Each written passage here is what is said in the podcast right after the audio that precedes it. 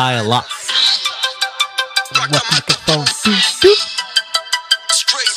Top of my dome. Yes, Tommy Lande. Ja, var det ukas eh, låt, eh, Alex? Det var ukas låt. Er det noe nytt vi har begynt med det her? Ja, det virka jo sånn. Ja. Vi er veldig glad i musikk, da, begge to. Ja. Så hvis eh, produsenten vår, eh, Pontus Pilatus, eh, tillater oss, så vil vi gjerne fortsette med det. Jeg er helt enig. Jeg syns jo det er artig å få eh, dunka på med litt låter. Eh, det var jo litt roligere start sist eh, episode, med litt Backstreet Boys. Backstreet Boys, jeg Husker du hvilken låt? For det har jeg glemt. Det var Drowning. Det, ja, det var det. Stemmer det. Ja. Bra. Hvordan var kaffen i dag? Nå er vi tilbake i kaffegamet. Nå er det noen episoder siden eh, jeg har kjøpt kaffe til deg. Ja, det virka sånn. Du, har, du hoppa bare over en gang der du bare kjøpte det sjøl. Så da tok jeg en liten shot av din. Ja, og så var Men, det eh, ikke noe kaffe på Vestlige når vi satt i senga. Nei, det ble nok kaffe og sånne ting på frokost og sånt, så det gikk helt, eh, helt fint. Nei, jeg syns eh, den her var bra, og du hinta vel frem til at, eh, frem på at det var Kenya, var det? Litt sånn lysere, fin kaffe? Stemmer det. Litt fruktigere og ja, litt, litt mer eh, lysere toner. Ja, det er riktig, det. Ja, kult. Nei, men jeg syns den var god. Så bra. Har du lyst til å, Skal vi dra inn introen igjen? Det er et par ganger siden nå vi har eh, sagt velkommen til podkasten vår. Har du lyst til å kjøre den? Ja, for det, det er min oppgave. Yes. Ok. Yes. eh, Hei og velkommen til podkasten Litt for personlig trener med Tommy og Alex. Håper du hører på, håper du er fornøyd med det du hører. Og eh, i dag så har vi et nytt tema, Alex. Det har vi. I dag skal vi eh, ta en liten klassiker som eh, ikke vi har funnet på. Den heter Topp tre. Oi. Ja, den er vel ikke helt ny ennå. Nei, ikke helt ny. Og i dag skal vi snakke om eh, topp tre verste øvelser Ja, så al- altså treningsøvelser. og topp tre beste øvelser. Og det her er jo da subjektivt, da. Dette er jo våre meninger. Ja. Så det er jo Tommys topp tre og Alex sin topp tre. ja, det blir spennende å se. Jeg har ikke hørt noe særlig om hva du har eh, kokt sammen, så jeg håper bare ikke vi kommer med, de ak med akkurat de samme øvelsene. Nei, det blir spennende å se. Ja. Det gjør det. Det som er viktig, som vi kommer til å prate litt om da, i dag, det er jo eh, at alt det her må ses i sammenheng med hva man bruker øvelsen til. Det fins jo egentlig ikke noen topp tre beste og verste uten å se det i kontekst. Så det eh, skal vi jo snakke litt om når vi tar de øvelsene her. Ja. Men det er klart at det er jo sånn med trening, da. Selv for eh, to personlige trenere, så fins det ting eller øvelser da, som man liker bedre og verre enn alt annet. Ja, det er det. Og det er veldig viktig at du, eh, at du sier det du eh, gjør der, for det, det her er veldig kontekstavhengig. Jeg føler jo, spesielt som, som foreleser, så sier jeg jo det kommer an på veldig ofte. Og det Noe funka for nå, mens an- andre ting funka for en annen. Og det er jo ekstremt subjektivt. Eh, Jeg tror nok vi har ganske ulike øvelser som vi både liker og, og misliker. Eh, og det gjelder vel alle der ute, regner jeg med. At man har øvelser bare åh, den her, den var skikkelig bra. Så både eh, hvilke øvelser man har brukt helt fra man starta å trene. Kanskje mange henger, henger igjen og syns at det var en kjempefin øvelse og gitt eh, god effekt og syns at den er morsom. Mens andre har hatt eh, det motsatte. At man kanskje ikke fikk den helt til i starten, og så eh, av at man ikke fikk den helt til i starten, så har man eh, unnlatt å gjøre den i, eh, i ettertid, og derfor ble det hattøvelse nummer én. Men så plutselig så prøver man igjen, og så har man blitt litt bedre og litt sterkere, så plutselig så får man til den øvelsen litt bedre, og så er det ikke hattøvelse lenger. Nei, og det er litt det er et viktig poeng, da. Fordi hvis vi tar fram din og min topp tre i dag, så tror jeg ikke den hadde sett lik, lik ut for fem år siden, eller for ti år siden, eller kanskje om ett år fra i dag. Sørte du kaffen, da? på hele genser. Deilig. Og på stolen til Pontus, det var ikke bra. Nei. Så når man er liten og søler på seg, så er ikke det det verste som skjer. Når man er eh, 57 som du er, så er det litt verre. Ja, det er sant, det var litt, uh, litt pinlig. Ja. Ja, ja. Sånn kan skje. Så bra. Skal vi bare gå rett på? Ja. Skal vi, Jeg stemmer for ja. eh, Du stemmer for ja. Skal vi eh, ta det verste først, da? Ja, du kan starte. Skal jeg begynne? Ja. Eh, Det er vanskelig, fordi topp Det kunne like gjerne vært eh, topp ti, eller sånn Vi kunne ha dratt med ganske mange øvelser i det der. uh, Ja, og så skal jeg prøve å gi en, uh, gi en forklaring til hvorfor, da. Hvorfor det er sånn. Uh, I kontekst, da. Men per dags dato her og nå, så er det veldig enkelt for meg. Topp én verste øvelse jeg gjør, og nå snakker jeg egentlig om styrkeøvelser. Vi kan dra inn Vi kunne dratt inn andre øvelser òg. Ja.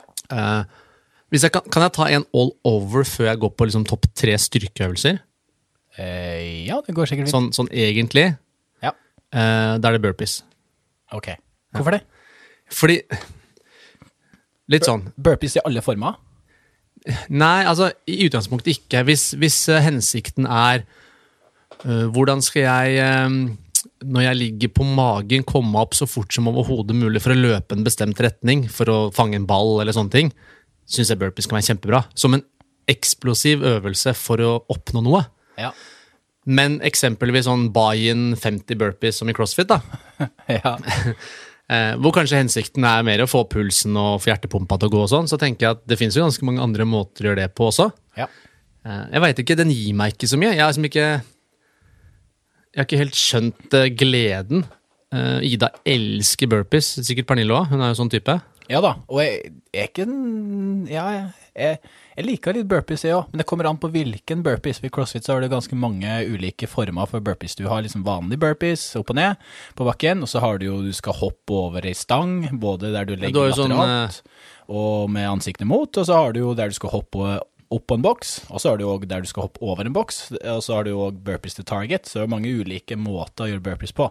Ja. Så jeg, jeg syns den vanlige på bakken, den syns jeg funka greit for sitt formål. Bare for å få litt puls og få svetta litt og sånt. Og så lenge det er satt sammen med andre øvelser, ikke bare Den funker jo på å få puls. Ja. Jeg bare syns den er kjedelig. Da syns jeg det er bedre å si at Alex, du skal ned på magen på bakken, hoppe over den boksen, så skal du gjennom bildekkene, ned på magen og tilbake. Altså, da skjer det litt mer. Ja, men det er for at du fort kjeder deg, da, hvis du skal gjøre 50 repetisjoner av den samme. Det kan jo fort være at hvis du skulle ha gjort eh, 50 knebøy etter hverandre, så har du kanskje ikke likt det så godt heller. Nei, det er sikkert noe sannhet i det. Men eh, la oss ta styrkeøvelser, da. Ja.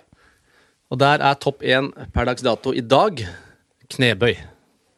Du, Det lekker av den kaffekoppen din, så jeg tror du må rett, eh, feste det lokket før du drikker mer, Tommy. Så da er det egentlig din feil at uh... Liten prank. Sorry. Nei, knebøy er uh, topp én i dag. Knebøy, en av, uh, Knebøy! en av de viktigste øvelsene som finnes der ute. Nei, men altså Ikke alle former for knebøy. Jeg liker å sette meg, kunne sette meg på do og reise meg opp. Jeg er ferdig. Jeg liker å sette meg på sofaen og reise meg opp. Men Det er vanligvis ikke så dypt, da. Nei, og la meg forklare hvorfor, da. Det har jo med smerte å gjøre. Ok. Eh, og det veit jo du som med jobber med det, at hvis det er bevegelser som gjør vondt, så er det klart at ikke det er en god eh, bevegelse. Mm. Når sånn skal, sånn skal sies, jeg har ikke alltid hata knebøy.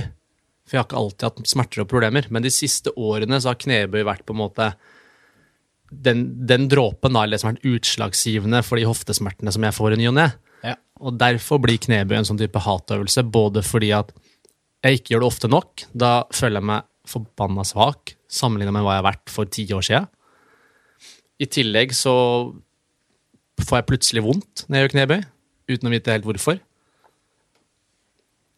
Så derfor er knebøy nummer én på min liste. Ok, ja, skjønner.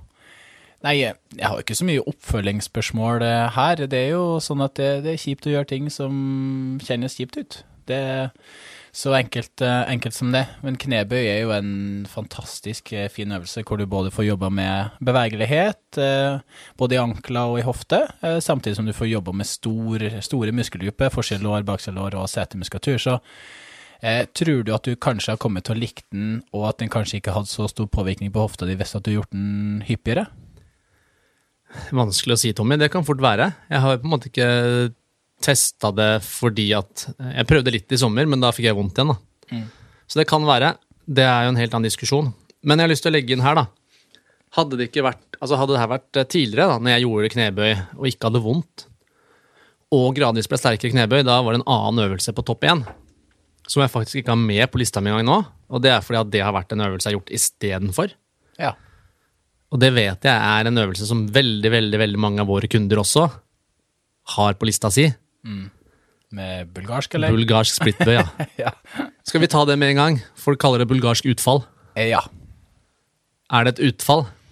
Nei, du gjør vel egentlig ikke det. Og det, jeg syns jo det der er kjemperart helt fra starten, hvordan Bulgarian split squat, som det heter da på engelsk, har blitt til bulgarske utfall. Vet du hva det heter på bulgarsk, da? Eh, eh, nei. Nei, ikke jeg heller. Men det, kan, kanskje det heter utfall der, da? At det er sånn det har blitt? Kanskje Ja. vi har oversatt det fra bulgarsk og ikke engelsk? Tror du vi er så fantasifulle at vi er henta fra bulgarske språket i stedet for det engelske? Nei, jeg vet ikke. Men eh, et utfall er jo i hvert fall når du tar et steg ut Ja. fra posisjon, og en splittbøy, da står man med beina på samme sted under hele bevegelsen. Riktig. Ja. Så den hadde vært på førsteplass, hadde det ikke vært for at jeg hadde hatt vondt i knebøy, og at jeg har trent den en del. Så den syns jeg ikke er like ille lenger. Nei. Så da er vi inne på noe annet som vi skal ta etter hvert. Ja, kult. Det er jo en Hva- fin øvelse, det òg. Ja, ja, ja nå syns jeg det. Ja. Og det er klart, igjen, alt vi snakker om nå, subjektivt, våre verste øvelser. Eh, Jeg vet om, altså jeg gjør knebøy med mine kunder, fordi om jeg ikke liker øvelsen her og nå, så er det en kjempebra øvelse for mye. ja. Ikke sant? Ja. Så det, det må ikke misforstås, da. Definitivt. Liker du makrell i tomat? Ja. Ja, jeg liker ikke makrell i tomat. Så du liker å ha makrell i tomat på brødskiva, jeg gjør ikke det. Eh, Det kan relateres til trening. Noen liker makrell i tomat som kan være eh, bulgarsk splitbay f.eks., mens jeg liker da leverpostei. Vet ikke om du liker leverpostei? Men har du prøvd makrell i tomat hyppig nok, lenge nok, mange nok ganger, med og uten majones, med sylteagurk? Touché. Um, nei. Så det har vel kanskje noe med det å gjøre. Så det her er, er jo veldig individuelt, og noen liker noe, mens andre liker noen andre ting. Ja. Til og med på brødskiva. Til med brødskiva. Til og med på brødskiva. Ja, unnskyld. Hva er din topp én, Tommy? Eh, topp én på verste øvelser. Eh, jeg kan jo bare relatere til crossfit-verden eh, nå, siden det er det jeg har gjort de siste, siste årene. Og eh, da må jeg jo Skal vi ta verste først? Ja. Ja, ok. Eh, topp én verste, det vil eh, kanskje være jumping lunges. Åh, ja, den er jævlig, ass. Åh, det Hoppende utfall. Det, du får liksom alt det, Ikke noe kilo, bare egen kroppsvekt. Og så hopper du da i, eh, i utfall, og det bare Det så Det samler så mye syre i lårene. Eh, du får høy puls. Og du bare blir helt matt. Det er nesten så du får eh, melkesyra i sjela di samtidig. Fordi at det gjør så vondt. Og nå under eh, korona, som har vært i halvannet år, så har det vært det har blitt ganske mange jumping lunges, for å si det sånn. Så um, jeg har jo gjort uh, mye av denne øvelse, eller økta som heter Legs Gone Bad. Det var det jeg satt og tenkte på hva den het. Ja. Jeg husker du hadde den live for eh, CrossFit Sagene-medlemmer. Er For riktig. Ida fulgte med på den. Holdt på å le seg i hjel, for hun har aldri hørt deg banne og sverte så mye når du holdt på med de greiene der. Og da var vel alt det jumping lunges. Ja, så den første var jo Er det da egentlig jumping split squats? Ja, kan jeg kanskje si det. Nei, Jeg vet ikke. Jeg bare kom til Ja. å tenke på det. Ja, nei, um, absolutt. Og det, det er nok uh, topp én på grunn av alt som den fører med seg. Fordi at det er kjent som en øvelse som både skal uh, lage en del syre, uh, og samtidig eh, eh, bare få opp pulsen. Og det er jo den verste kombinasjonen, syns jeg, av noe sånt. For jeg, jeg liker å bli litt sliten når jeg trener, men ikke for sliten. Og jumping lunges eh, gjør meg for sliten. Sånn som på den eh, Legs Gone Bad, der har du ett helt minutt med um, jumping lunges. Yes. Kjenner du, noen, eh, kjenner du noen, eller er det noen på boksen som liker jumping lunges? Ja, vi har jo en del litt sånn folk som elsker smerte, og som er gode når det kommer til egen kroppsvekt. Sånn som eh, Pernille syns nok den er ok. Eh, Lotte Oksholm syns eh, den eh, er fin. Og, så det, er det er litt sånn litt lettere. De som er lette i kroppen, de som har god utholdenhet, og som kan bare sånn pushe på. Ja, du mener Lotte Oksholm? Eller Lotte Oksholm? Nei, Lotte Oksholm, ja. Ja, ok. Du Ja. sa Lotte Oksholm. Å ja, gjør det det, ja? Ja, det var litt rart. Men ok, ja. Så jump, da har vi knebøy på min, og jumping lunges på din. Ja. Ja. En, jeg har egentlig satt og Det er ikke sånn at Det er ikke et hierarki. desi- nei, Det er ikke, nå er det bare de tre. Ja, jeg er for så vidt det hos meg, men uh, knebøy kom på topp pga. smerte. Ja. Bra. Jeg kan fortsette på min nummer to. Kjør. Nå har Tommy tatt av lokket på kaffen, for nå var han livredd for å søle igjen. Han sitter med sånn brune flekker nedover hele genseren, og Er lys genser i tillegg. Det er jo helt perfekt. det er fint. Nummer to er i samme gata, altså nummer én. Vi skal fortsatt uh, under pelvis. Eller pelvis er med, men eh, under pubis. Under pubis, ja. Ja, og rundt, rundt området. Skal vi se hva Eh, pubis er for noe, da? Er det ikke alle som vet det? Nei, hva er det for noe, du som kan anatomien? Em, det kalles jo da skambeinet på, på norsk. Ja.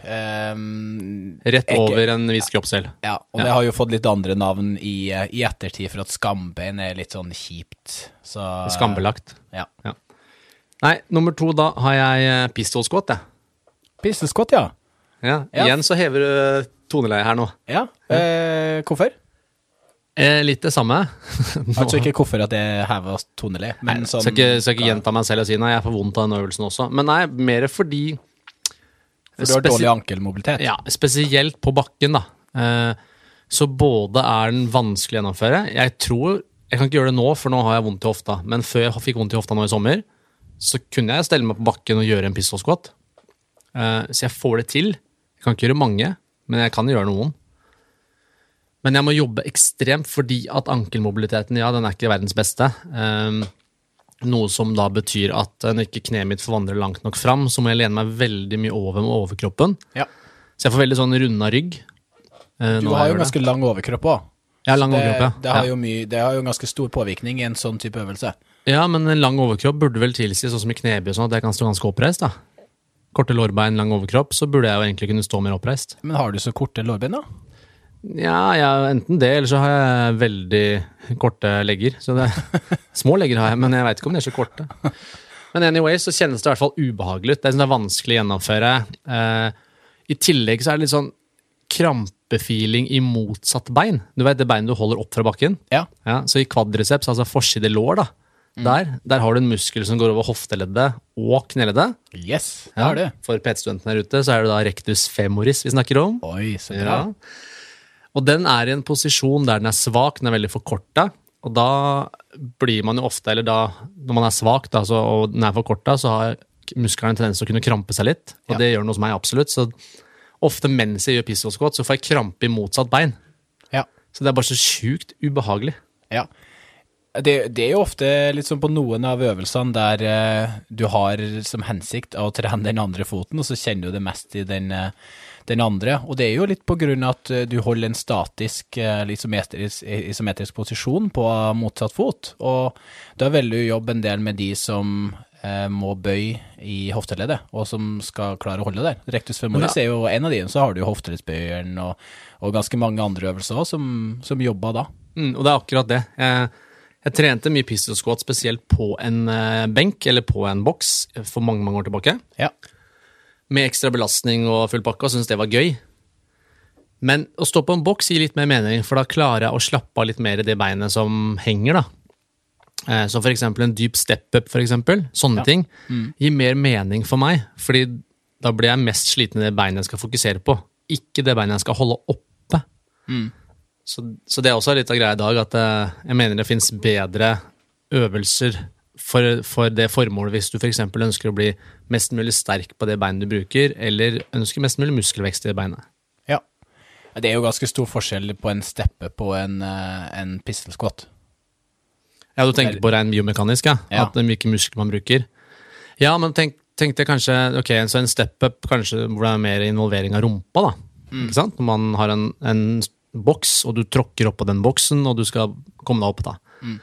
Du kan gjøre den øvelsen også ganske knedominant, det vil si at forside lår jobber mest. Ja. Ehm, så, men uh, Det var ikke helt det jeg tenkte på. Jeg tenkte mer på den eksentriske belastninga, for den må du jo klare å kontrollere ganske mye mer vanligvis i en uh, pistol så på vei ned, for at du da skal ha såpass god kontroll for å da skal skyve det opp igjen. Ja. Mens i en step-up så tar du vanligvis steget ned til bakken, og så stopper du der, og så starter du på nytt igjen. Ja, det kommer an på det- hvilken type du gjør. Eh, Du kan jo holde sånn den der også. ja. Ja. Så jeg er med på tanken din. Men bare sånn Hvorfor jeg har øvelsen på, på min topp tre verste, er eh, alle de tingene nevnt nå. Ja. Kreves det like mye ankelmobilitet i en, um, i en step-up kontra en, uh, en um, pistolsquat? Nei, i utgangspunktet ikke, fordi du forflytter kroppsmassen din framover, altså fra et punkt, og så er du så du, Og du tar litt med det bakerste beinet stort sett også. Mm. Um, så nei, i utgangspunktet ikke. Det kan gjøre det, litt avhengig av hvordan du gjør step-upen. Om du mm. gjør det assistert med å holde deg fast osv. Det her er litt sånn det blir veldig faglig nerdete, Tommy. Men, ja, men jeg tror det er fint å få litt uh, sånt. Jeg, jeg, føler ikke at det blir noe nerdete. Jeg nei, føler... men jeg tenkte mer sånn at det er kanskje ikke så lett Hvis man ikke har sett de øvelsene her før, da. For de av dere som har det, så klarer dere å se det for dere, men har man ikke gjort det, så er det kanskje vanskelig å få et bilde på det. Ja, Søk det gjerne opp eh, på Google eller YouTube eller noe sånt, så ser man en video av de øvelsene som vi, ja. vi snakker om. Så en tradisjonell step-up versus en uh, pistol squat, der er det en del forskjell. Det er jeg ja. helt enig i. Mm. Så en tradisjonell step-up har jeg ikke så mye imot, mens en pistol squat er jeg ikke så glad i. Nei. Nei. Hva med deg? Din nummer to? Min Eller, nummer to eh, ja, eh, vi, kan ta frem en annen eh, Ikke nødvendigvis en crossfit-øvelse, blir jo brukt innenfor det aller meste, men eh, trusters. Oh, hadde, jeg på, hadde, jeg begynt å snakke crossfit, Tommy, da hadde jeg trusters kommet langt opp, da. Oi. Ja, der sparka du ned hele greia. Ja. Nei, trusters altså, Ja, please continue. Det er, det er faen meg djevelens verk, altså. Ja, jeg skjønner ikke helt hvem det var for som fant opp eh, thrusters. Og det er ikke mange kiloene som skal til på den stanga for å skal gjøre thrusters helt vanvittig grisetungt. Eh, sånn type sånn en kilo som vanligvis blir brukt i, eh, i open, og litt sånn standardisert rundt på uh, ulike crossfit-økter, er 42,5 kilo på stanga. Ja, og det du, høres ikke veldig avskrekkende ut. Kan du si noe til de som ikke vet hva thrusters er? Ja, thrusters, da har du eh, i dette tilfellet da ei stang som ligger oppe på, um, oppe på, på, på skuldrene dine. Ja, foran, Eller foran, foran, ja, foran, ja, foran halsen. Så den ligger der, du holder i stanga, eh, og Trusters er satt sammen av en eh, frontbøy pluss en press over hodet. Så det er da thrusters. Så du går ned i en frontbøy, kommer opp, og så skyver stanga oppover hodet, og så skal du gjøre det gjentatte gang. Og det, bare det at Jeg vet ikke om det er noen som har eh, prøvd å kjøre litt sånn høyreps på, på, frontbøy. Det er ganske krevende, fordi at eh, Og veldig stor forskjell på å skal ha den stanga foran på brystet kontra han bak. Og det handla litt om sånn pustemønster, og det handla litt om um, diafragma og kontroll på pust og, og, lignende. Fordi at det blir noe helt annet når du da skal klare å kontrollere den stanga foran kroppen eh, kontra bak. Fordi at du klarer ikke å få pusta like godt når du har den stanga foran. Eh, som da gjør at eh, de aller fleste, inkludert meg, eh, har holdt pusten både på vei ned og litt på vei opp. Jeg har, jo, har, jeg har jo følt at jeg har gått litt fremover med Trusterson i det siste, når at jeg har lært meg å puste og brukt pusten ordentlig. Så da kjenner jeg jo at um, jeg kjenner at det har blitt bedre. Men den stjeler så ekstreme mengder med energi. Og 42,5 kilo på den stanga, det høres ikke ut som det er masse. Men veldig ofte når du skal gjøre trusters, så er det mange, mange, mange reps. Det er liksom ikke sånn fem reps her og fire og tre og to og én, men det er mer 21, 15, 9 eller 28, 25, 23 osv. osv. Satt sammen med en annen øvelse. Så en, um, en uh, Fran, for eksempel, som er en veldig kjent uh, crossfit-økt, der det er 21, 15, 9 med um, da trusters og pullups. Ja. Og det, for de av dere som Unnskyld. For de av dere som har gjort eh, frontbøy med da et sånt eh, frontbøygrep, altså hvor du har stanga liggende på fingertuppene. Ja. Så skal du da ned i frontbøy der, og så skal du da endre grepet idet du skal opp og presse over hodet. Og det er det jeg syns er så unaturlig. Én eh, mm. ting er at øvelsen er jævlig, men jeg kan ut ifra sånn som jeg liker å tenke, hva er på en måte funksjonaliteten i øvelsen? Jeg kan se det å på en måte skulle ta fart fra beina for å skulle skyve noe, overføre kraft ja, mm. til armene for å løfte noe tungt opp på en hylle osv. Ja. Men nummer én så går man gjerne ikke ned i en dyp knebøy for å gjøre det, for det er veldig unødvendig. nummer to, man holder ikke en stang hvor man endrer grepet når man skal løfte opp. Man holder kanskje en eske eller sånn type ting, som ligner mer på kanskje en wallball. da. Ja. Så det er jo det for min del også som jeg syns at denne øvelsen blir helt grusom. Det at du skal endre det grepet. Og så I tillegg så skal du ikke løfte noe foran deg opp på en hylle, du skal jo løfte det over huet. Ja. Og det også er jo helt unaturlig, å skulle løfte noe egentlig opp og så bak over huet. Det er jo bare tjukk i huet hvis du skal sette noe på en hylle bak deg. Så da bør du snu deg rundt, da. Ja, ja du, du, tenker jo ofte sånn overføring og sånne ting. Jeg tenker jo at eh, det der er jo en, sikkert en kjempefin øvelse for å få, få trent og få pusta litt og sånne ting. Men og det er det. Det, det er det jo. Det er store muskelgrupper involvert, altså. Det er helt hinsides. Du har jo både forskjellår, bakskjellår, sete, kjerne, eh, pressmuskulatur over hodet, så både skulder og bakside overarm, triceps. Så det er jo masse muskler. Og ikke minst viljemuskelen. Yes, mm. den sjæla. Den er viktig. Altså, ja, den, var den, en bra Ja, den, den er høyt, uh, høyt oppe også. Ja. Men det, jeg har merka veldig stor forskjell etter hvert som jeg har gjort den litt hyppigere. Fordi at man blir flinkere på pust, og man får bedre bevegelighet. Og, og, bevegelighet har jo alt å si i den der eh, Så lenge du klarer å finne en god posisjon der du klarer å slappe av litt mens du gjør den, så føles det mye bedre ut. Fortsatt eh, jævlig, men eh, Um, ja, men blitt bedre. Ja, ja, jeg, jeg skal gjøre om den overall-øvelsen min i stad. Jeg sa burpees, men nå som du nevnte det, det er faktisk thrusters. Er det det? det, det ja.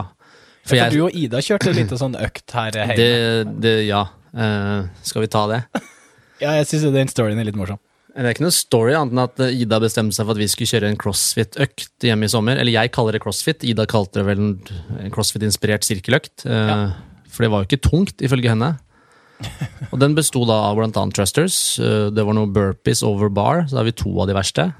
Eh, det var en dumble snatch. Oi, oi, oi. Og så var det noe V-ups.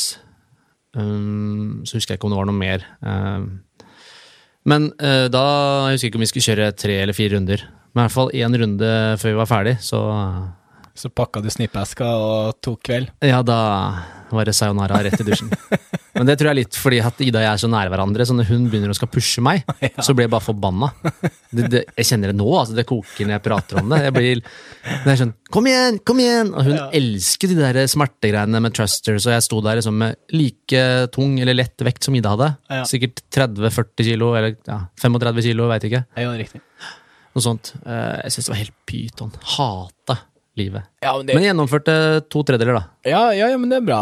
Og det er den kombinasjonen der, med thrusters, barfacing, burpees og dumbbell snatch, det, det, er tre ganske saftige øvelser som stjeler mye energi, oh, og som dytter pulsen opp i været. Jeg trengte den støtten der nå. Ja, bare hyggelig. V-øvelsen den får den litt, litt ned igjen, da. Men um, Ellers eh, skjønner jeg det veldig, veldig godt. Og det er litt det samme som jeg, jeg føler med Pernille òg. Pernille kan ikke stå på sida av meg mens jeg trener og drive og heie på meg. Det går, det går, rett og slett ikke. For da er det sånn, kan du være så snill å gå bort? så du går, på, du går, ikke på, timene på boksen hvis Pernille er coach? Jo da, jeg syns det er kjempegøy å være på time med Pernille, eh, men uh, hun må ikke si så mye. ok. Nei, jeg forstår det veldig godt. Det er ikke så lett. Det er litt rart når det kommer fra det nærmeste, men Pernille syns det er gøy at jeg driver og heier på henne. Men sånn er det med PT-kunder òg. Det er ganske mange jeg har snakka Du sier ting til PT-kunder, og de har hørt det samme fra mannen sin eller kona si eller kjæresten eller en venn. Ja, klassisk. Og så sier jo vi det, som har en annen, en annen rolle, kanskje på en litt annen måte, og da er det greit. Ja. Men uh, hvis, uh, hvis uh, kona mi forteller meg at jeg skal spise sunnere, da kan du bare drite i det. Altså. Da går jeg og klemmer nedpå to plater med sjokkis. Det er litt sånn. Ok, skal yes. vi eh, Tre. Nummer tre. Den her kommer kanskje litt overraskende på, tror jeg. På meg? Ja, jeg tror det. Ok. Det er ikke en typisk hatøvelse, tror jeg, blant folk flest. Nei. Facepulls. Hæ? Facepulls? Facepulls. Ja, hva Hæ? Hvorfor? Ble overraska? Ja. ja. Men det er Det, det er jo den, så enkelt og greit. Du har et tau, og du har Men jeg skal forklare hvilken av facepulls-variantene jeg mener. Okay. Det fins uh, i min verden to facepulls. Fordi facepulls, da trekker du en kabel mot ansiktet. Ja. Derfor navnet facepulls, eller uh, ansiktstrekk, som man kan kalle det. Fjesdrag husker jeg var en uh, jobba med på Optimal som kalte det. Ja. Uh, den verste varianten av de er den hvor man legger til rotasjon. Det vil si at hvis du har et tau festa til et kabelapparat, så trekker du midten av tauet mot panna di, sånn at du roterer med overarmene. Så du trekker mot panna, og så roterer du underarmene bakover. Ja. ja. på en måte. Overarmen roterer jo òg, men det er underarmen du tenker du skal rotere bakover. Ja. Ja. Og hensikten da er det jo bare å involvere litt av rotatorcuffen. Riktig. Og da blir jo rotatorcuffen en begrensende faktor. Ja. Eh, og hvis vi nå skal nære det litt og snakke om biomekanikk, da, bare for å dra inn litt av vårt fag òg, så er det jo sånn at man endrer jo litt på, på vektarm, litt avhengig av vinkel og sånne ting med kabel. Men når du da er på toppen av den bevegelsen, eller på slutten av bevegelsen, der muskelen er svakest, så hender det ofte at, at belastninga er størst. Yes. Så det vil si at akkurat på slutten, siste delen av den lille rotasjonen du skal gjøre, så er du så sinnssykt svak, og i tillegg så er belastninga størst, og du bare så det, så du kom, Sammensuriumen der er Ja, ikke for du kommer til et sånt punkt hvor du nesten klarer repetisjonen, men ikke helt. Ja. Eh, og når du da fortsetter, så blir det bare sånn halve, kjipe repetisjoner som er sånn Jeg vet ikke. Jeg bare Jeg liker ikke øvelsen. Det er, den resonnerer ikke så godt med meg. Ok. Ja, men eh, det er legitimt, det. Det er lov å ikke like den. Hvordan type øvelse er facepull? Hvilke muskler man vanligvis eh, ønsker å angripe? Det igjen kommer an på hva man gjør, men for mange som gjør facepulls, tror jeg tenker at de skal trene eh, øvre rygg, altså mellom skulderbladene. Ja. Muskulatur som trekker der. Eh, noen gjør det også mer for bakside skulder. Ja. Eh, og noen litt for rotatorcuff. Da tenker jeg at det kanskje kan finnes øvelser som, eh, som treffer det enda bedre, da. Men, ja. men alt jeg nevnte nå, vil kunne være involvert i en facepulls. Eh, og jeg har andre øvelser jeg syns er bedre, eller som jeg liker personlig, bedre enn jeg skal gjøre da. Trening for f.eks. bakside skuldre. da. Ja, absolutt. Eh, Bakside skulder og muskulatur mellom skulderbladene. Og jeg syns jo facebull i lang, lang tid nå har fått en sånn at det er en fantastisk øvelse fordi at det skal være en holdningskorrigerende øvelse. Fordi at man skal trene litt av muskulaturen eh, bak. Fordi at eh, man har alltid hørt at man skal, eller ofte hørt i hvert fall, at man skal tøye forsida. Eh, for at man er stiv og man får litt sånn skuldre som kommer frem. Eh, eh, og så har man muskulaturen på baksida som er forlenga og svak, eh, og derfor får man dårlig holdning. Og derfor gjør man facepull. Men eh, her så vet vi jo at det er ikke helt sånn ting er. Um, fordi at en holdning den er noe man danner over lengre tid. Eh, en holdning kan jo være noe du er født med. Eh, Det er genet genetikk, det er arv. Og så er det jo sånn at det er vanskelig å eh, tren en muskel til å skal endre holdning. Fordi at trener du da facepull to ganger i, eh, i uka, eh, for eksempel, så har du Ja, da gjør du den, la oss si, fem minutter eh, den ene gangen og fem minutter den andre. Da har du ti minutter. Hvor mange timer har du i uka, Alex? Husker du hva det var? Nei, jeg husker faktisk ikke timetallet. Det burde jeg huske. men... Ja, men det er i hvert fall veldig mange timer. Så det vil si at hvis du sitter og har en stille, stillesittende jobb, da, eh, og er veldig sånn fremoverrotert og sånt, så, så vinner jo selvfølgelig det du gjør mest. Og det du gjør mest, er jo den stillesittende holdninga. Og så tror man jo at hvis man har dårlig holdning, eller hermetegn, dårlig holdning, så tror man at man er mer predisponert for skader og smerter og sånt. Og det, det er ikke helt sånn ting eh, fungerer. Fordi at smerte og skader og irritasjoner, det er litt mer komplekst enn som så. Så facepull er en kjempefin øvelse eh, for å få angrep på muskulaturen eh, på baksida, men man må liksom ikke legge all lit til den øvelsen for at du skal ha bedre holdning. Fordi at det, ja, det er bra å styrke opp muskulaturen bak, for det gjør det litt mer bevisst på at du kanskje kan reise deg opp litt av og til og være litt i bevegelse. og det er jo vanligvis ikke den stillesittende eh, holdninga, eh, eller ei bestemt holdning, som gjør det til at du får vondt på et eller annet tidspunkt. Det er mer det at du er altfor stillesittende. Du får ikke belasta muskulaturen, du eh, har lite sirkulasjon til området, og derfor kan sånne ting påvirkes. Og det er ikke nødvendigvis fordi at du blir sittende i en bestemt holdning hele tida. Så så lenge du beveger deg litt og endrer posisjoner, så vil jo det være kjempefint. Så nå fikk vi toucha litt inn på Og det sånt. Det er forresten 168 timer. Så bra. Jeg husker det var noe sånt. Jeg, jeg bare regna kjapt mens du prata. Oi. Det er ikke så vanskelig. altså. Du tar 20 ganger 7, for eksempel. Hva er det? Eh, det er da 140. Ja, Og så har du da fire timer til i hver dag. Og fire ganger 7 er Eh, det er 32. Nei. Det er 28, sorry. Ja. Ja. Og da har du 140 pluss 28, som blir Eh, 168. Ja, all right. All right. Ja. Ja, men Bra, Tommy. Viktig tema å ta opp. Vi kan jo snakke mer om det i en annen episode, men, men viktig tema. Absolutt. Din nummer tre på lista. Topp tre verste øvelser. Vi har vel egentlig allerede vært inne på temaet, og vi skal bevege oss nå over på eh, burpees.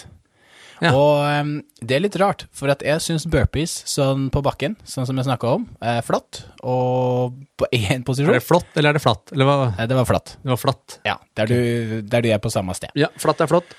Eh, riktig. Ehm, så ehm, den syns jeg funka bra. Kjempefint. Ehm, fint å være i samme posisjon, fint å få opp pulsen litt, fint å kjenne at du både får jobba litt med For at det er jo bruker en del eh, skuldre, bruker en del bryst, bruker en del triceps, eh, så, og en del hofteleddsbøyer og litt kjerne og litt forskjellig. Så den er bra.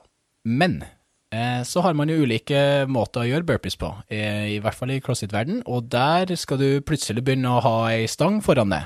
Eh, Og da, vi har jo allerede vært inne på øvelsen barfacing burpees, der vi da ligger med ansiktet mot stanga, og så skal du ta en burpee, og så skal du gjøre et hopp over, Over stanga, ja. så har du ikke lov til å touche stanga på, på veien over, og så skal du legge den ned igjen. Så det, den, den, det er bare et eller annet som gjør burpeesen så mye jævligere eh, når at du legger til et hopp, og når du skal begynne å bevege deg fra sted til sted, og når at du skal være effektiv, og når du skal gjøre det her ganske fort. Så det å skulle ta burpees på et sted funka kjempebra, funka fjell, men eh, det å skulle gjøre det over ei stang, å herregud, det, ja, det er så hat det. Så skal sette den sammen med andre øvelser, blant annet sånn som du snakka om, der du hadde thrusters og dumble snatch i lag. Åh, jeg kunne ikke tenkt meg til noen verre kombinasjon enn en akkurat det. Og det var jo ei open-økt. CrossFit Open gjennomføres jo da en gang i året, der alle i verden som har lyst til å være med, kan, eh, kan bli med på det. Og da har du standardiserte økter, hvor alle skal teste seg mot, eh, mot andre, både i eh, samme land og i andre land. Og da var det ei sånn type økt, der du da skulle ha dumble snatch, og da skulle du ha eh, med, eh, burpee box jump over. Så da skulle du ta en burpee på den ene sida, du skulle hoppe opp på en boks, og så skulle du da hoppe over boksen, eh, og så skulle du ta en burpee der òg. Og det var ganske mange reps, og de to i lag Det må jo være litt altså sånn risiko. Skal du hoppe Du er grisesliten av burpees, og skal du prøve å hoppe over en boks. Ja. Det må ha vært en del som har gått på trynet der. Så definitivt. Og det er jo derfor at det kan være lurt å ha type bokser som, eh, som ikke er laga i tre. Som vi har en del av, men så har vi noen som òg er litt mykere. Og de eh, blir nok litt favorisert når vi gjør sånne type økter. Men det er jo det som òg er crossfit, da. Du skal klare å prestere eh, like bra når du er sliten som når du er fresh. Og da- teknikken skal se helt lik ut, du skal være like, like effektiv. Og det at du er effektiv i en øvelse, gjør jo òg at du bruker mindre energi. Ja. Så, um, så da bør jo aller helst den siste revisjonen se helt lik ut som den første. Det gjør jo vanligvis ikke det, men uh, det bør. Jeg hører noen ting her, jeg. og det er jo det at eh, når vi snakker nå, så kunne vi nesten kalt podden vår litt for mye crossfit. så jeg tror vi må ha en egen episode der vi faktisk snakker litt mer om crossfit, og så kan de som er interessert, eh, zoome inn på det. Ja. Eh, men det er klart at det er jo det du trener, så er, vi må inn der når vi prater om øvelser. Og jeg er ikke uenig at det der er en eh, kjip Jeg har tenkt på det, jeg har gjort det ja, jeg sier at jeg har gjort det en håndfull ganger, da. Ikke noe mer enn det. Akkurat den bar-facing burpees. Ja. Og jeg har tenkt noen ganger at når jeg blir sliten nok nå, så er det fort at eh, når jeg skal hoppe med samla bein, at eh, hva om jeg nå setter fast foten og går på trynet og slår ut to tenner? Det er ikke verdt det, tenker jeg. Du finner jo ganske mange sånne um, eh, gymfails-videoer rundt omkring, både på Instagram og Facebook og sånt, og da Og nok- YouTube kanskje som den største Ja, og YouTube sikkert òg. Og der har du masse sånne hopp og boks og sånt, så det er jo alltid morsomt å se hva folk klarer å finne på når det, du har en boks foran deg. Bra. Da tenker jeg at vi, for å late som vi er proffe og skal skille the bad from the good, så skal vi ha en liten trudelutt, vi. Og så er vi tilbake igjen med tre topp tre beste øvelser. Oi, jingle!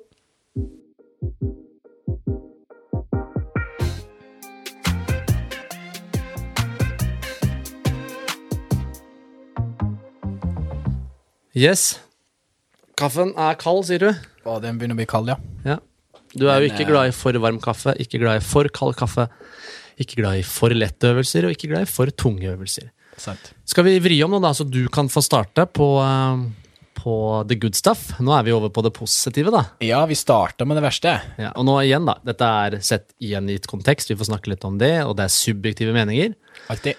Men det her er gøy. Jeg er veldig spent på din første på topp tre-lista over topp tre beste øvelser. Ja. Og beste øvelser må ikke forveksles med de øvelsene som jeg føler meg best på. Det er vel kanskje de som jeg syns er gøyest. Og det er det de tre jeg kommer til å, å ta frem nå. Og det er ikke nødvendigvis de som har best effekt heller. Nei, Så og det, igjen, dette det er ikke sånn. Å, når Tommy gjør det, da må jeg også gjøre det. Ja. Så det hele Brønnøysund kommer til å gå rundt der og Jeg vil også hoppe double unders. Jeg har faktisk ikke double unders. Nei, ok. Ja, for nei, jeg er spent. Ja, jeg er spent, ja. Um, nei, jeg har egentlig kokt sammen tre akkurat samme her, og ikke noe hierarki der den ene er bedre enn den andre. Men vi um, snakka nå innafor gymnastikken og innafor uh, turn. Um, er den henta fra? Fortsatt en eh, en eh, vel brukt øvelse i, eh, i crossfit, og den har jo bare eskalert og eskalert og eskalert når det kommer til krav i eh, både ja, aller, hell, aller mest i CrossFit Games, som òg gjennomføres hvert år, der man ser de råeste av de råe. Og det er da handstand walk. Fytti helvete, den der, det er ikke noe gøy. Unnskyld, nå banna jeg veldig. Det var Ja, ikke det meningen. var litt Ja, unnskyld, det beklager jeg. Ja. Handstand walk, faktisk. ja, så der du skal gå på hendene, altså. Men det, jeg kan forstå det den for Jeg har jo testa det, Ja. eh, og du- fått, fått til litt, da. Ja, men du er jo et unikum når det kommer til Du trenger Nei, unikum er et veldig sterkt ord, så det er ikke sånn. Men, eh, men, jeg Ja, men du tar jo ting veldig fort. Og jeg har jo sett at du nesten ikke har klart å gå noe sted skritt, og så bare løsna ting. ja. men hvorfor er den så Altså, er det fordi at det er en, eh, en utfordring, altså det å kjenne at du mestrer kroppen og kontrollerer en egen kropp? Er det det du tenker på, eller? Så definitivt. Okay. Fordi det, det her er jo ting som jeg aldri har eh, gjort før. Jeg har jo aldri Det er jo ikke så mange år siden at jeg ble bekvem med å skulle stå opp ned inntil en vegg. Så ehm, Og til slutt så, så gikk det jo greit. Det begynte å bli mer og mer komfortabel opp ned. Eh, inntil en vegg, og så begynte jeg å gjøre litt handstand pushups, og begynte å kjenne at styrken kom etter hvert i skulderen. eh, For jeg har gjort masse press over hodet og sånn, med både manualer og med stang og sånt. Eh, men å gjøre det med en kropps, kroppsvekt, med handstand pushups eh, der man da tar, tar en pushup stående opp ned inntil, inntil veggen. Begynte å få smaken på det, og så begynte mobiliteten og bevegeligheten i skuldrene å bli bedre. Og etter hvert så ja, så jobba jeg med sakte, men sikkert mot handstand walk. Og det, det er nok det du sier, at det, det kreves eh, ganske mye. Det kreves en del kontroll. Eh, det kreves god bevegelighet, det kreves styrke, det kreves litt koordinasjon. Koordinasjon er ikke akkurat det som er mest eh, kjent eh, for eh, å ha noe med meg å gjøre.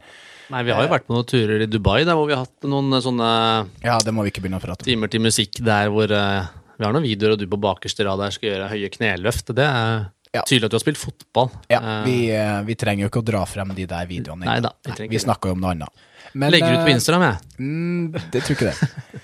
Så det er vel kanskje det at uh, jeg syns Jeg elsker jo å, å dra inn handstand walk sammen med andre øvelser. For at det er ikke bare det at jeg skal klare å um, ha kontroll på det fresh, men òg ha kontroll på det når at uh, jeg begynner å bli sliten, begynner å puste litt. Og det er jo noe helt annet å skal gå på hendene når at du puster febrilsk og skal prøve å få pulsen ned. Så det er jo ganske vanskelig når du går på, på hendene. Men uh, det å skal kontrollere pust der òg, har jo kjempemye å, å si. Så det er nok bare det krav til annet, og at det kanskje er ganske det er ikke så mange år siden jeg lærte, så da syns jeg det er kjempeartig. Og jeg syns det er artig å utfordre kroppen på andre ting enn bare mm, ja, helt vanlig gymtrening. Monotone. Ja, jeg skjønner. Og jeg er enig, enig der, altså. Jeg Ja. forstår det veldig godt. At du Det er en grunn til at jeg ikke har gjort bicepskøl på sju, åtte, ni år. Ja, og den Fordi det grunnen er så for at du har 60 cm rundt armene uten å gjøre bicepskøl, så da trenger man ikke gjøre det. Nei, det er jo en eh, ja, lett muskel å, å trene, så du får det jo med litt andre ting. Ja, da man gjør det. Nei, men jeg, jeg forstår det, og jeg har jo vært borte, eller jeg har trent mye egenvekt eh, tidligere selv, så jeg kan, jeg kan eh, kjenne meg igjen. relater. Relatere meg, riktig. Ja, ok. Ja, men det mange, ja, ok. Så igjen, da, skulle man på en måte tatt en sånn Jeg har jo tenkt ren, sånn, ren styrketrening, for det er den verden jeg har vært i mest de siste årene. Ja. Eh, skulle jeg dratt tilbake igjen til når jeg trente mer Altså, det var fortsatt styrketrening, men da når calisthenics-bølgen kom, og det var mye egenvektstrening, så var nok min favoritt muscle-up. Ja.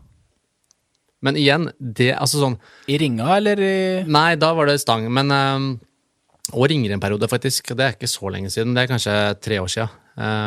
Ja, vi gjorde jo en del på optimal trening, husker jeg. Da Ja. vi både kjørte den helt i starten med litt flere reps og sånt, og etter hvert begynte å legge på litt ytre belastning og sånt. Det var Ja, og så ble det en sånn eh, challenge om hvem som klarte å gjøre det eh, saktest mulig. Husker du det? Ja, det husker jeg jo faktisk. Det gjør jeg. Ja, og Det kan høres litt kvalmt ut. Jeg bare tenker sånn, Hvis jeg er utenfra nå og så vidt klarer pullup eller ikke det engang, og så sitter man og prater om muscle-up som en favorittøvelse, så skjønner jeg at det høres kvalmt ut. Men ta da i betraktning da, at for min del så var det en øvelse som kom lett. Det også høres sikkert eh, ufattelig kvalmt ut. Ja, litt kvalmt. Men første gang jeg satte en muscle-up, så gjorde jeg ti. Ja. Ja, så det vil si at jeg hadde Nummer én så har jeg ikke verdens største bein. Jeg veier ikke så veldig mye. Um, jeg var på den tida veldig sterk i overkroppen, i relativ styrke, så jeg var veldig sterk i pullups og dips. Ja. Så når jeg først skjønte teknikken, så gjorde jeg ti på rad.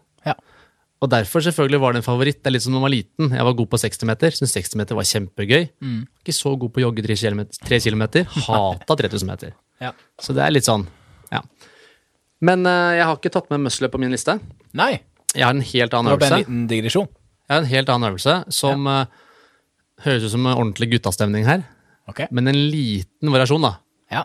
Så det første ordet i navnet er benkpress med hantler. Oi! Ja. Så ikke vanlig benkpress, den er jeg ikke så glad i, Nei. men benkpress med hantler liker jeg veldig godt. Ja. Flatt? Eller? Flat, ja, flat. Eh, liker følelsen av det. Liker, jeg føler meg relativt stabil, men allikevel kall det fri. Ja. Altså I den forstand at hvis jeg har litt ubehag i skuldre, sånne type ting, så er det veldig enkelt å endre vinkel litt. Så den funker nesten alltid, selv om jeg har problemer med skuldrene. Det er jo ikke benkpress med stang. Eh, Jeg har eh, Jeg føler at jeg relativt lett kan komme opp i en OK styrke, for min del, i øvelsen. Jeg bare liker følelsen. Det er ikke, det er ikke, noe, det er ikke, ikke noe ubehag whatsoever, for min del, i benkpress med hantler eller manualer. Nei. Det som er positivt med manualer, er at du kan eh, styre litt unna det her der du føler at det er litt vondt, fordi at de er såpass ja, såpass enkel å påvirke med hvor du går ned hen, og hvor eh, høyt opp eller hvor lavt ned, eller noe sånt. Så det er kanskje fordelen med, med akkurat det. Ja. Mm. så den er på min topp tre. Ja da, spennende. Ja. Nummer to hos deg. Nummer to hos meg, eh, da skal vi eh, hoppe litt videre fra, fra gymnastikken, og vi skal hoppe til vektløfting, faktisk. Ja. Vi har jo gjort denne øvelsen en del sammen, der vi I lag? Der vi, I lag, sorry. Herregud, jeg må ikke begynne å legge over sånn. Takk, Alex. Eh, vi har gjort denne øvelsen i lag. Vi trente jo en del eh, en liten, eh, i lag en liten periode, eh, du og Fredrik, og eh, da gjorde vi den ganske ofte. Vi snakka nå om øvelsen clean, eller da vending, som Ja. den òg heter da på, på norsk. ja. Så hvis du skal forklare det for en som ikke har hørt eller sett vending før Ja, det er jo egentlig en sammensatt eh, bevegelse av eh, der du da skal dra stanga opp fra en markløft, og så skal du vende stanga opp til, eh, til brystet, så i den samme posisjonen som du har stanga når du gjør en frontbøy, og så skal du enten bare sette litt ned, eller skal du sette helt ned. ja, Så hele poenget er at du skal få stanga fra bakken og så opp på framsiden av skuldrene. Ja, egentlig. Og så finnes det mer og mindre effektive måter å gjøre det på. det er riktig. Så da har du jo med muscle clean. Eh, muscle clean vil jo da være å dra den helt opp, der du da lander med strake bein. Eh, og så har du power clean, der du setter den i en liten kvartbøy eh, når at du får stanga opp. Og så har du da til slutt squat clean, eh, hvor du da setter helt ned i knebøy. Og jeg er litt usikker på hvorfor at jeg syns den er så, så gøy, men eh, den er for det første veldig enkel å varme opp til. Det går ganske, ganske fort. Eh, Samtidig som at den får testa eh, litt eh, teknikk. Den får test, testa litt eh, koordinasjon, kroppsbeherskelse, og på en helt annen måte. Og så syns jeg det er veldig kjedelig å gjøre frontbøy og knebøy. Så derfor får jeg lagt inn litt av beintreninga gjennom å gjøre clean. Eh, Og det er en mye morsommere vers, eller måte for å gjøre det, for jeg får både gjort en markløft, og så får jeg gjort en knebøy i samme, samme øvelse, og da, da syns jeg det er gøy. Men du får ikke belasta like tungt som du hadde gjort Nei, med knebøy eller det, frontbøy. det er riktig. Det får du ikke. Men uh, da syns jeg det er kjempeartig å bygge opp til f.eks. Uh, dagens uh, tunge. Kjenne litt eh, hvordan eh, kroppen, eh, kroppen kjennes ut. Og jeg har jo alltid sagt at jeg skulle ha et lite mål nå eh, under pros prosjektet mot eh, Trondheim-Oslo, som faktisk er nå til helga, eh, på fredag og lørdag. Så skulle jeg fortsatt klare å beholde en eh, OK styrke i eh, i clean jerk, sånn at ikke alt bare ble lagt over til sykling og skulle bli tynnest mulig eh, og lettest mulig. Men klare å holde den i gang, og derfor har jeg jo måttet trent den. Og jeg syns det er en artig, artig øvelse. Og jeg må jo bare relatere til de øvelsene jeg ofte, eh, som jeg velger oftest når jeg skal bare inn og gjøre en kjapp økt. Og det, derfor kom handstand walk, og derfor kommer da clean inn nå. Fordi at den, den påvirker så mange områder. Jeg får både trent styrke, jeg får trent eh, hodet litt, og så får jeg trent eh, ja, litt eh, kroppskontroll. Mm. Jeg syns den er morsom, eh, men jeg, for min del, så er det Jeg mangler en del mobilitet, både i håndledd og i, eh, i triceps.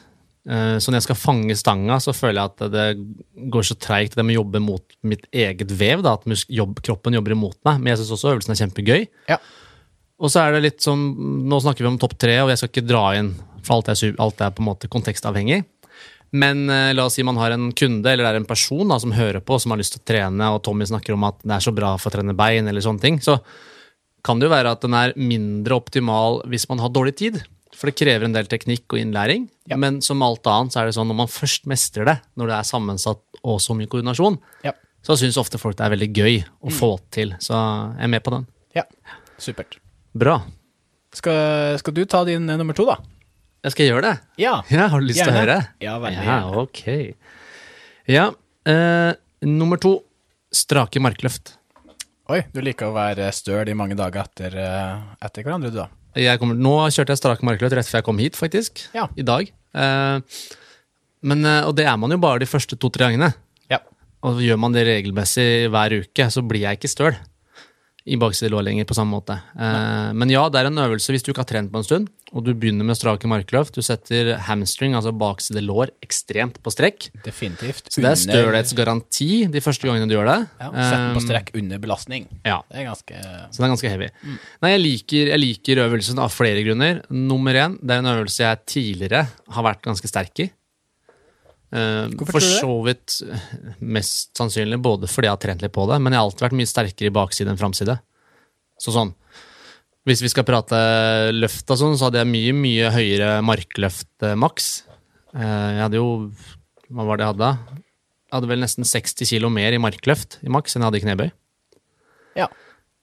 Og snakker vi frontbøy og markløft, så var det vel en 80 kilo forskjell. Så jeg har alltid vært mye sterkere i baksiden. Ja. Det man mestrer, syns man gjerne er mer gøy. Sant. Og så har du kanskje Um, proporsjonene som er laga litt mer for markløft enn for, eh, for knebøy. Ja, det har jeg nok. Og så syns jeg Men jeg syns strak markløft er morsommere enn vanlig markløft. Ok. Ja, Eller, jeg der- liker den bedre. Ja, der henger jeg virkelig ikke med, altså. Jeg er ikke noe stor fan av strake markløft. Jeg Hvis bare jeg skal vet- gjøre strake markløft, så gjør jeg ettbens strake markløft vanligvis. Ja, men ikke sant? For det første, Du må ikke glemme også at jeg eh, Man kan godt si sånn en gang Jim Bro, alltid Jim Bro. Så den delen kommer alltid til å henge litt igjen. Eh, og jeg liker følelsen. Eh, sånn. Jeg ikke blander følelse og effekt, men jeg liker følelsen av strak markløft. Jeg liker det at jeg kjenner at muskelen er på strekk, jeg kjenner jeg belaster det. Eh, jeg føler jeg har god kontroll. Det eneste jeg ikke liker, for så vidt, er, og det er jo ikke øvelsen i seg selv, men det er kanskje når man gjør den blanda med noen eh, type metoder. Så i dag gjorde jeg den med tre sekunder stopp i bunnposisjon. Oi. Så jeg sto og holdt tre sekunder i bånn før jeg gikk opp igjen. Ja, for da var ikke vekten helt nede i bakken. sant? Nei, det er den aldri uansett. Så myk er jeg ikke. Nei. så det, det er ingen fare, Tommy.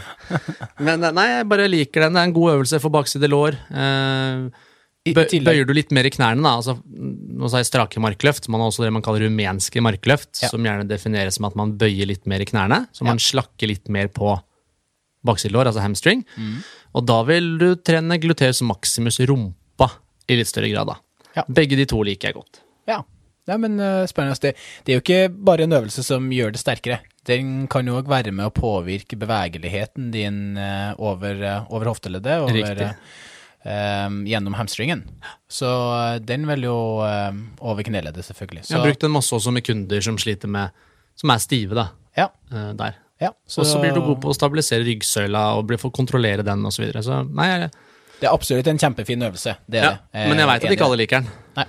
Men det er på min, eh, min topp tre. Ja. Grunnen til at jeg liker, ikke liker den så godt, er nok eh, kanskje fordi at jeg ikke gjør den hyppig nok, sånn at det blir så innmari støl eh, etter hver gang eh, jeg gjør den. Eh, og det er oftest i bakside lår. Og det er litt på grunn av at jeg har litt nedsatt bevegelighet i, i, i i Det er jo der man blir støl. Du blir Ja. ikke støl i rumpa av eh, sakmarkløft. Ja.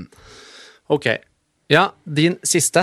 Min siste, min tredje og, og siste. Vi skal gjøre det veldig enkelt og greit. En øvelse som sikkert de aller fleste kjenner til. Eh, noen elsker den. Alle som trener, da. Det er jo ikke sikkert alle Ja, ja, alle som trener. Eller alle kjenner til den i en eller annen grad uansett, tror jeg. Kan jeg tippe? Ja, Pushups? det er helt riktig. Er det det? Ja, det er riktig. Oi. Og det, det er jo en eh, øvelse som eh, noen har et eh, kjempegodt forhold til, mens andre ikke har et så godt eh, forhold til, eh, til den øvelsen. Og jeg har ganske korte armer. Eh, kroppen min er laga for å gjøre Du har veldig kort arm. det er faktisk veldig gøy. Det. Ian Jaf Petter slår deg kanskje, men uh... ja, Det er, så, det er så vilt. Jeg trodde ikke det var mulig å ha kortere armer med. Men uh, jeg er litt usikker på om han liker pushes. Men jeg liker i hvert jeg fall vet at Ian pushes. eh, må ha hjelp av kona si for å kneppe de nederste knappene på skjorta. Armene er ikke lange nok. Har han sagt det? Nei, jeg bare fant på Å noe. ja, ok. Ja. Unnskyld, Det Ian. eh, nei, så det er jo en kjent øvelse for de aller fleste. Eh, de som har vært i Forsvaret, har fått eh, kjent litt på den.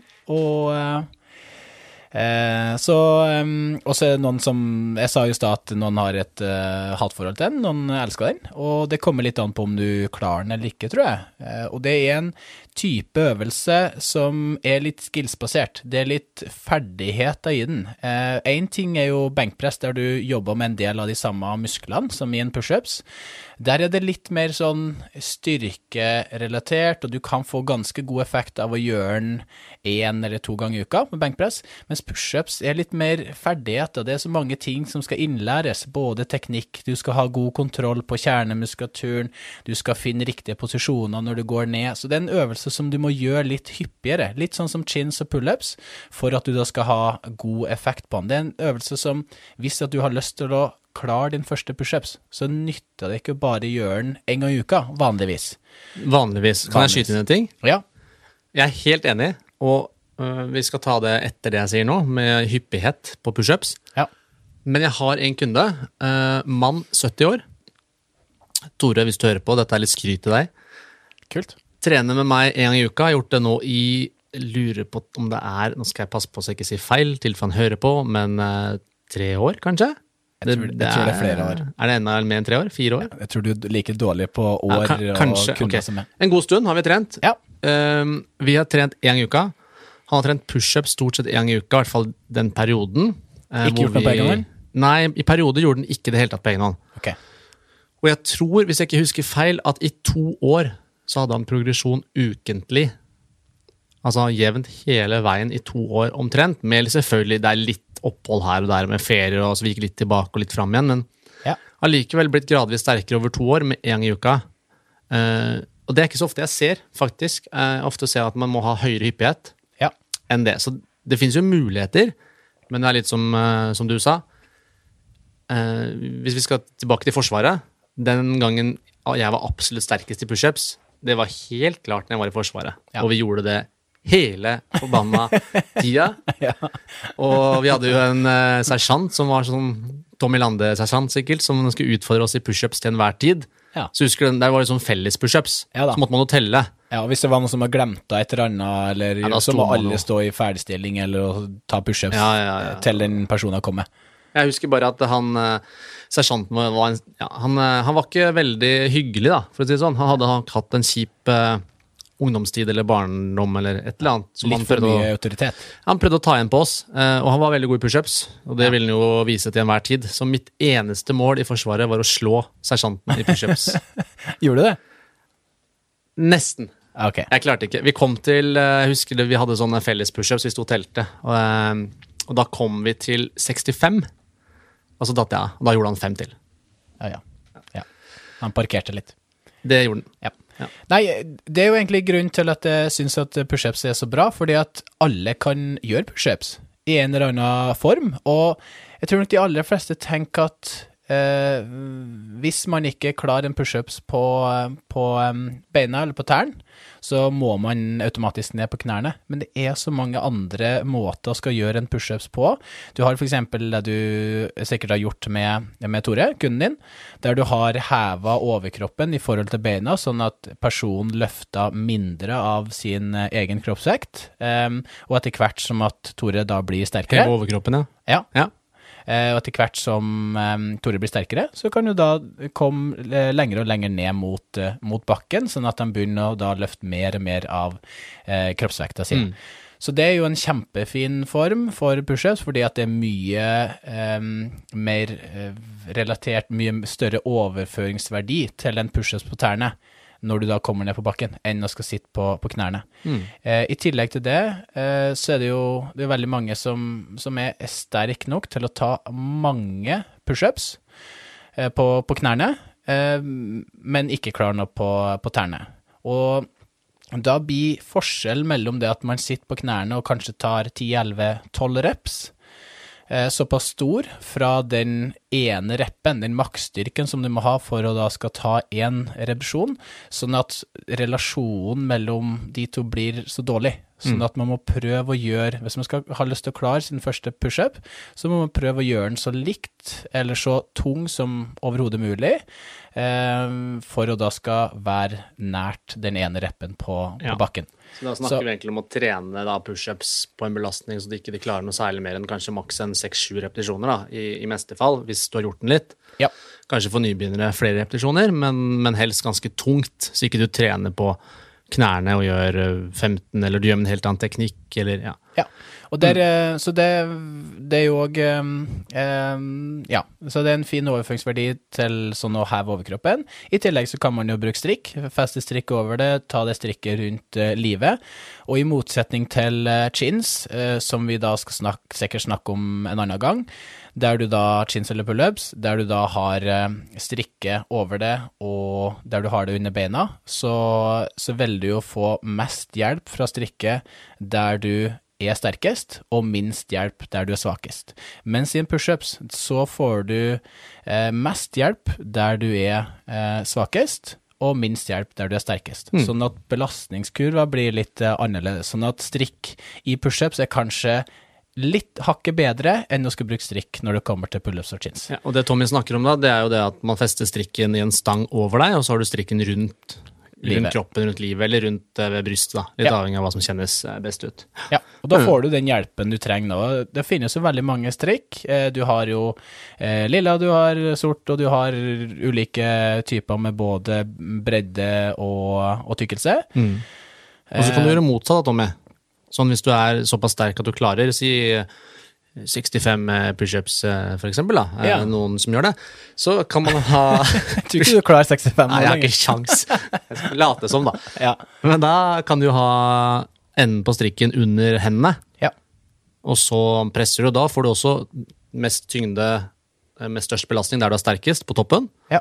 og mindre belastning i bånn, der du er litt svakere. Så det er også en måte å gjøre det på. Veldig fint. Så Bra. derfor velger jeg pushups, fordi Ja. at det er en øvelse som de aller fleste kjenner til. Jeg føler meg sterk i øvelsen, jeg føler jeg har god eh, kontroll på øvelsen. Har egentlig alltid følt at pushups var noe som jeg eh, kunne, helt fra fotballen. Og det er kanskje fordi at den har jeg gjort eh, siden Og jeg kortarmer. Og kortarmer. Ja. Ja. og siden jeg var 14-15 år. Og det er litt eh, Litt derfor, kanskje. Men pushups. Jeg slår et slag for pushups. Mm. Kjempefin øvelse for både kjernemuskulatur og Så det er jo en Og lett tilgjengelig, da. en bevegelig planke, eh, og lett tilgjengelig. Kjempeenkel, trenger ingenting. Og så får du trent bryst, eh, skuldre og triceps i tillegg.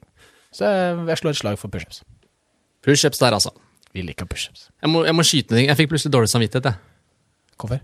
Nei, jeg, jeg hørte meg selv sa om han sersjanten. Det var ikke sånn ment som jeg sa det. At han har hatt en dårlig barndom. For man veit jo ikke hva folk har opplevd. Det var ikke sånn jeg tenkte på det. Nei. Mer at han hadde litt Han skulle kompensere, da, ved å prøve å få oss til å ha det jævlig. Ja. Fordi han kanskje ikke har hatt det så bra, det vet jeg ikke. Nei. Jeg, bare, jeg, fikk, jeg fikk et snev av dårlig samvittighet her, så jeg måtte si det. Ja, men det er bra at du Jo. Yes, Alex, eh, skal du ta din siste, da? Det kan jeg gjøre. Vil du, vil du gjette? Ehm, litt vanskelig å gjette uten at jeg har noe hint. Du fikk jo på pushupsen, du klarte jo å gjette eh, riktig, men jeg, jeg hadde jo en lang avhandling før at, uh, før at den kom. Nei, jeg- du hadde ikke det. Jo, jeg sa jo at det var noe som alle hadde et forhold til, og at noen elska den, noen hata Ja, ok, den. ok, ok, kanskje det var det. Ja, Uh. Dette er en øvelse som ikke alle har et forhold til. Ok. Ja, Det er, det er en øvelse som jeg ikke begynte å gjøre selv før for kanskje et år siden. Ikke begynt å Det er en øvelse som trener en ganske liten muskelgruppe. Det er en øvelse som eh, jeg har gjort veldig lite på kundene mine. Det er en øvelse som eh, Jeg skal, skal bare si det, eller? Nei, men du kan gi meg litt sånn ordentlig hint. Det er en øvelse i kabel. Øvelse i kabel, ja. Ok. Eh, tri, noen triceps? Nei. Eh, noen biceps? Nei. Eh, rotatorcuff? Nei. Ikke, ikke facepull? Nei. Ehm, du hadde jo for så vidt facepull på verste. Ehm, I kabel? Eh, Nå er Jeg sier det, heller, så blir det her Ja, ja, det kommer til å dra ut litt. Ok. Det er liggende sidehev i kabel. På benk? Ja. Sånn at jeg ligger Hvis du ser for deg et kabelapparat eh, der du har ganske stor avstand mellom de to trinsene, Ja. eksempelvis en typisk sånn cable cross, der man, de fleste står og kjører eh, flies og bryst og selv speil, ikke sant? Ja. Der plasserer jeg en benk, sånn at jeg ligger på ryggen med ansiktet vekk fra trinsene. Og så tar jeg da høyre hånd og krysser over til venstre kabel. Ja. Venstre hånd og krysser over til den andre kabel. Ja. Legger meg på ryggen, og så gjør jeg sidehev mens jeg ligger på ryggen. Ja. Så det blir en sidehev i kabel på samme måte som hvis man står og gjør sidehev i en kabel. Det er bare at jeg er såpass lat at jeg ligger på ryggen, bruker ikke en eneste annen muskel enn kun deltoideus lateralis, Ja. eller da den midtre delen av skulderen, utsiden av skulderen. ja. Eh, Jeg liker i utgangspunktet ikke sidehev med hantler. Fordi at der, hvis vi skal snakke nerdete igjen, så er øvelsen tyngst der muskelen er svakest på toppen. Ja. Jeg syns det kan være en fin supplerende øvelse å gjøre. Ja. Men sånn alene i seg selv, isolert sett, så er jeg ikke så glad i den øvelsen. Jeg bare føler at på samme måte som facepose, at jeg har noen gode repetisjoner, og så blir det bare tull. ja. Mens i kabel så er motstandsprofilen litt annerledes. Sånn her jeg ligger på ryggen Det er en sånn typisk Det er en latmannsøvelse. Sånn ganske digg på slutten av en økt hvis du egentlig er sliten, du er ikke keen på å gjøre mer. I tillegg så bruker jeg sånne håndleddsfester eller sånne slyngefester, så jeg tar rundt håndleddet. Så jeg kutter ut grepet, jeg kutter ut selve håndleddet, så jeg plasserer de på underarmene, og så ligger jeg og gjør sidehev. ja. Ja. Men eh, så spennende, da. Eh, Det som er umiddelbart eh, tenkt, da, at to av tre øvelser som du har velget, har vært liggende. Jeg vet ikke hva det sier om, sier om det. To av tre øvelser Ja, det er jo benkpress med hantla. Ja, ja, ja. Ja, Det forteller jo meg at jeg av natur er ganske lat i utgangspunktet. At du trives best i liggende posisjon, der du bruker minst mulig av eh, andre ting. Jeg hadde jo da strak markløft, da. Ja, ok. Det var vel, du følte vel sikkert at du må ta med en eller annen sånn eh, større øvelse når du eh, Men dette, husk at det her er kontekst, og akkurat nå så snakker vi om dette her. Det, er ikke, det har ikke alltid vært sånn i det hele tatt. Nei. Eh, men eh, nei, jeg bare jeg liker øvelsen. Jeg føler den treffer den muskelen jeg skal trene. Eh, og så er det som sagt en digg øvelse. Det koster meg ikke noe å gjøre den. Så det er mange øvelser som jeg syns kan være ok så lenge det kommer tidlig i økta, men du veit at du har den der bar-facing burpees mot slutten av en økt. Du gleder deg ikke til å, til å på en måte gjennomføre. Mens det å på en måte, nå er jeg litt sliten, egentlig så er jeg keen på å gi meg, men jeg har igjen liggende sidehev i kabel, at det fikser jeg. Ja. Lista er veldig lav da, Ja. for å gidde å gjøre det, og derfor er den med på min topp tre-liste. Har du den med mest for effekten sin del? Er det derfor du liker den, eller er det bare for at du syns at den At den er gøy? Litt både og. Litt som jeg sa, da, hvis vi skal nerde, så er det litt eh, av motstandsprofilen matcher bedre med muskelens styrkeprofil. Dette er jo veldig sånn biomekanisk snakk, da. Ja. Men, eh, men litt fordi at eh, motstanden endrer seg i løpet av bevegelsen, som gjør at når du kommer på toppen, da, der du i en vanlig side med, med manualer vil få større eh, vekt, eller større, ikke vekt, men større eh, motstand, Ja. så skjer ikke det i kabel. Der blir egentlig motstanden mindre igjen på toppen, der muskelen er svak. Så at du får ikke den der at det går veldig lett de første gradene, og så kjempetungt. Det føles Jevnt. jevnt hele veien. Så det er en sånn god bevegelse. Eh, Så derfor så liker jeg den. Også ja, eh, det er latmannskap å ligge. Jeg kan like gjerne stå, det gjør jeg veldig ofte også. Ja. Men noen ganger syns jeg det er deilig å bare Jeg legger meg på benken, jeg lukker øya, og så er jeg på en måte veldig sånn Drømmer du det bort? Nei, mer at jeg er veldig sånn Det er min type mindfulness. Jeg er veldig sånn Da er jeg i kroppen. Ja. Jeg, det er det jeg liker med apparat eller enkle tekniske øvelser. Ofte så vil du se meg jeg, at jeg lukker øya. Jeg kan ligge på et uh, leg curl-apparat, Ja. og da ligger jeg med øynene lukka, og så er jeg på en måte intern i kroppen. Ja. Der er vi nok ganske forskjellig. Jeg, driver, jeg føler jeg driver litt sånn mindfulness i den grad at jeg vet at jeg gjør det. Jeg, jeg driver det mer når jeg gjør tekniske øvelser som får utfordra større deler av kroppen, og ikke nødvendigvis bare én muskel eller én bevegelse eller ja, én bestemt eh, teknikk, men når at jeg får utfordra. Og det er jo det som er litt sånn forskjellen her nå, da. Jeg, plukka ut eh, to øvelser som er ganske teknisk krevende, med hands and walk og clean, og så har jeg plukka ut eh, den tredje øvelsen som er pushups, som òg for Um, for, for den saks skyld at den er ganske Den er teknisk, den òg. Den er krevende. Um, og jeg tror nok det er en av de øvelsene som blir gjort dårligst teknisk der ute. Um, fordi at det er nok sikkert Ja, sikkert fordi at det er mange som gjør det, um, og at uh, det er en krevende øvelse. Både med hvor skal du plassere hendene, hvor skal albuen hen når du går ned, eh, hvor eh, god er du til å stabilisere um, skulderbladet i posisjon, hvor eh, god er du til å ha kontroll på kjernemuskulaturen når den egentlig bare skal motvirke bevegelse. Så, um, så derfor Det er jo litt sånn forskjellig fra de øvelsene som jeg har plukka ut, og de som du har plukka ut, og det er jo kjempe, kjempespennende. For at jeg, jeg kjenner jo det som en Jeg husker jo da vi jobba på optimal trening. Du gjorde jo ikke annet enn å skulle drive med type street workout, calisthenics, egen kroppsveksttrening, jobba mye med TRX, du sto mye på hendene. Så et eller annet har jo, har jo skjedd der.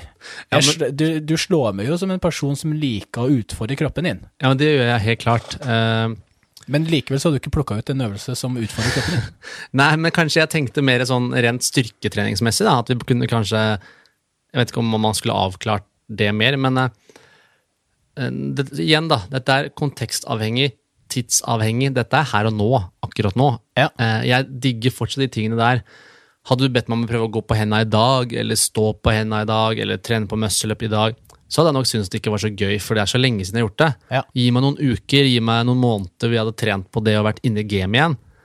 Det var jo ikke noe som var morsommere enn å stå i human flag en periode. Altså, Jeg tror ikke jeg har sjans til å klare å stå i et human flag nå. Men det er klart, når det funka, og jeg ble sterk der Ja. eh, Ja, altså alt med egen kroppsvekt og kontroll på egen kroppsvekt syns jeg var ekstremt givende og morsomt. Ja. Men igjen, det var også fordi at det var gøy når man begynte å mestre det. det er, I starten er det veldig frustrerende. Men veldig interessant da, at vi har så forskjellig både topp tre verste og topp tre like. Og det tror jeg er gjengs over eh, befolkninga, de som trener. Ja. At det er eh, det, det er ikke noe som er en fasit. Det er kontekstavhengig ut ifra hva man vil få ut av øvelsen for den personen her og nå. Det er viktig å få med. ja. Um, For det er jo ingenting som er riktig, og ingenting som er galt. Nei. ingen, ingen øvelse som ikke- er feil, ingen øvelse som er en fasit. Det er Nei. ingenting som Den må du gjøre for å få akkurat det der. Men du må se det i sammenheng, så du kan si at uh, en øvelse er mindre optimal, eller er mindre effektiv for et gitt mål, Ja. for en gitt person. Ja. Det kan man. Så nei, kult, det er jo litt spennende. Uh, Jeg har lyst til å oppfordre folk til å, til å uh, skrive til oss, ja, og kanskje kommentere på Instagrammen vår. På Ja. hva er deres topp tre beste og topp verste øvelser. Mm. Det er litt interessant å høre. Ja, det er kult. Får, det er nok ganske mange ulike svar nedover der. Alt avhengig av hva det er man, eh, man trener, og hva man syns er gøy, og hva man har eh, både gode erfaringer med og dårlige erfaringer med. Mm. Og eh, kjempe, kjempespennende. Mm. Det det. Det var, det var kult. Ja. Kult å snakke litt om, om sånne ting. Det berører nok de, de aller fleste som trener. Eh, og så er det jo sånn at man gjør mer av det man liker, og så gjør man litt mindre av det man ikke liker. Og derfor vil man jo da like de man allerede liker enda mer, hvis det er, hvis det er forståelig. Eh, og så vil man og Jeg og blokker på her spilleren. Du kan jo vente til vi er ferdig. Fortsett, du. Eh, og så de man ikke gjør, og de man ikke liker, dem liker man mindre for at man ikke får gjort det. Og det, sånn, sånn er det jo. Og det er jo, når man trener, så bør man jo aller helst gjøre en del av det man liker, for spesielt litt sånn i starten av økta. Fordi at det kan jo være dørstokkmil for de aller, aller, aller fleste mm. av oss. Det gjelder oss òg. Det å skal komme seg på trening. Og hvis man alltid tenker at nei, man skal starte dagens økt med knebøy, og så hater man knebøy, da er terskelen ganske mye større Ja. eh, for å da skal gå på trening. Så å legge inn en øvelse litt sånn i starten som man syns er gøy, eh, det kan jo være lurt. Og så begynner man ofte å legge på litt flere øvelser etter hvert i, i økta, fordi at ok, nå man, nå er man kommet i gang, så da kan man bare fortsette. Ja, jeg tror det er viktig det. Og så må man, som alt annet i livet, noen ganger stikke fingeren i jorda og tenke at det her er ikke noe gøy, men det er veldig gøy med resultatet det gir. Ja. Så noen ting gjør man bare fordi at man liker effekten av det. Ja. Da blir det i hermetegn gøy å ha gjennomført, ikke nødvendigvis å gjøre det. Eh, og noen ting gjør man fordi det i seg selv er gøy. Så hvis man får til en god blanding, så er man på god vei. Absolutt, absolutt. Og det som er det positive med, med trening eh, eh, Det er jo at man gjør ting man syns er gøy. Eh, ting man syns er gøy, holder man eh, kontinuitet på. Og kontinuitet eh, er det som skaper resultater, og res resultatet er gøy.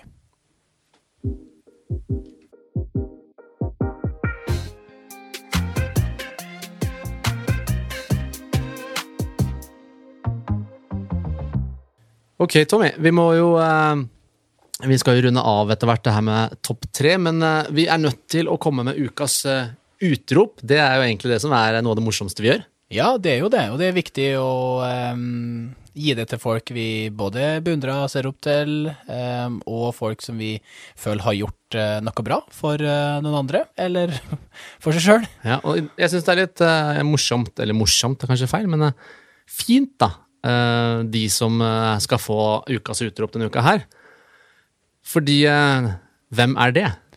Ja, det er jo Nå er det jo sånn at crossfit-verden, den er sånn at vi prøver å gjøre det um, gjør det beste for alle.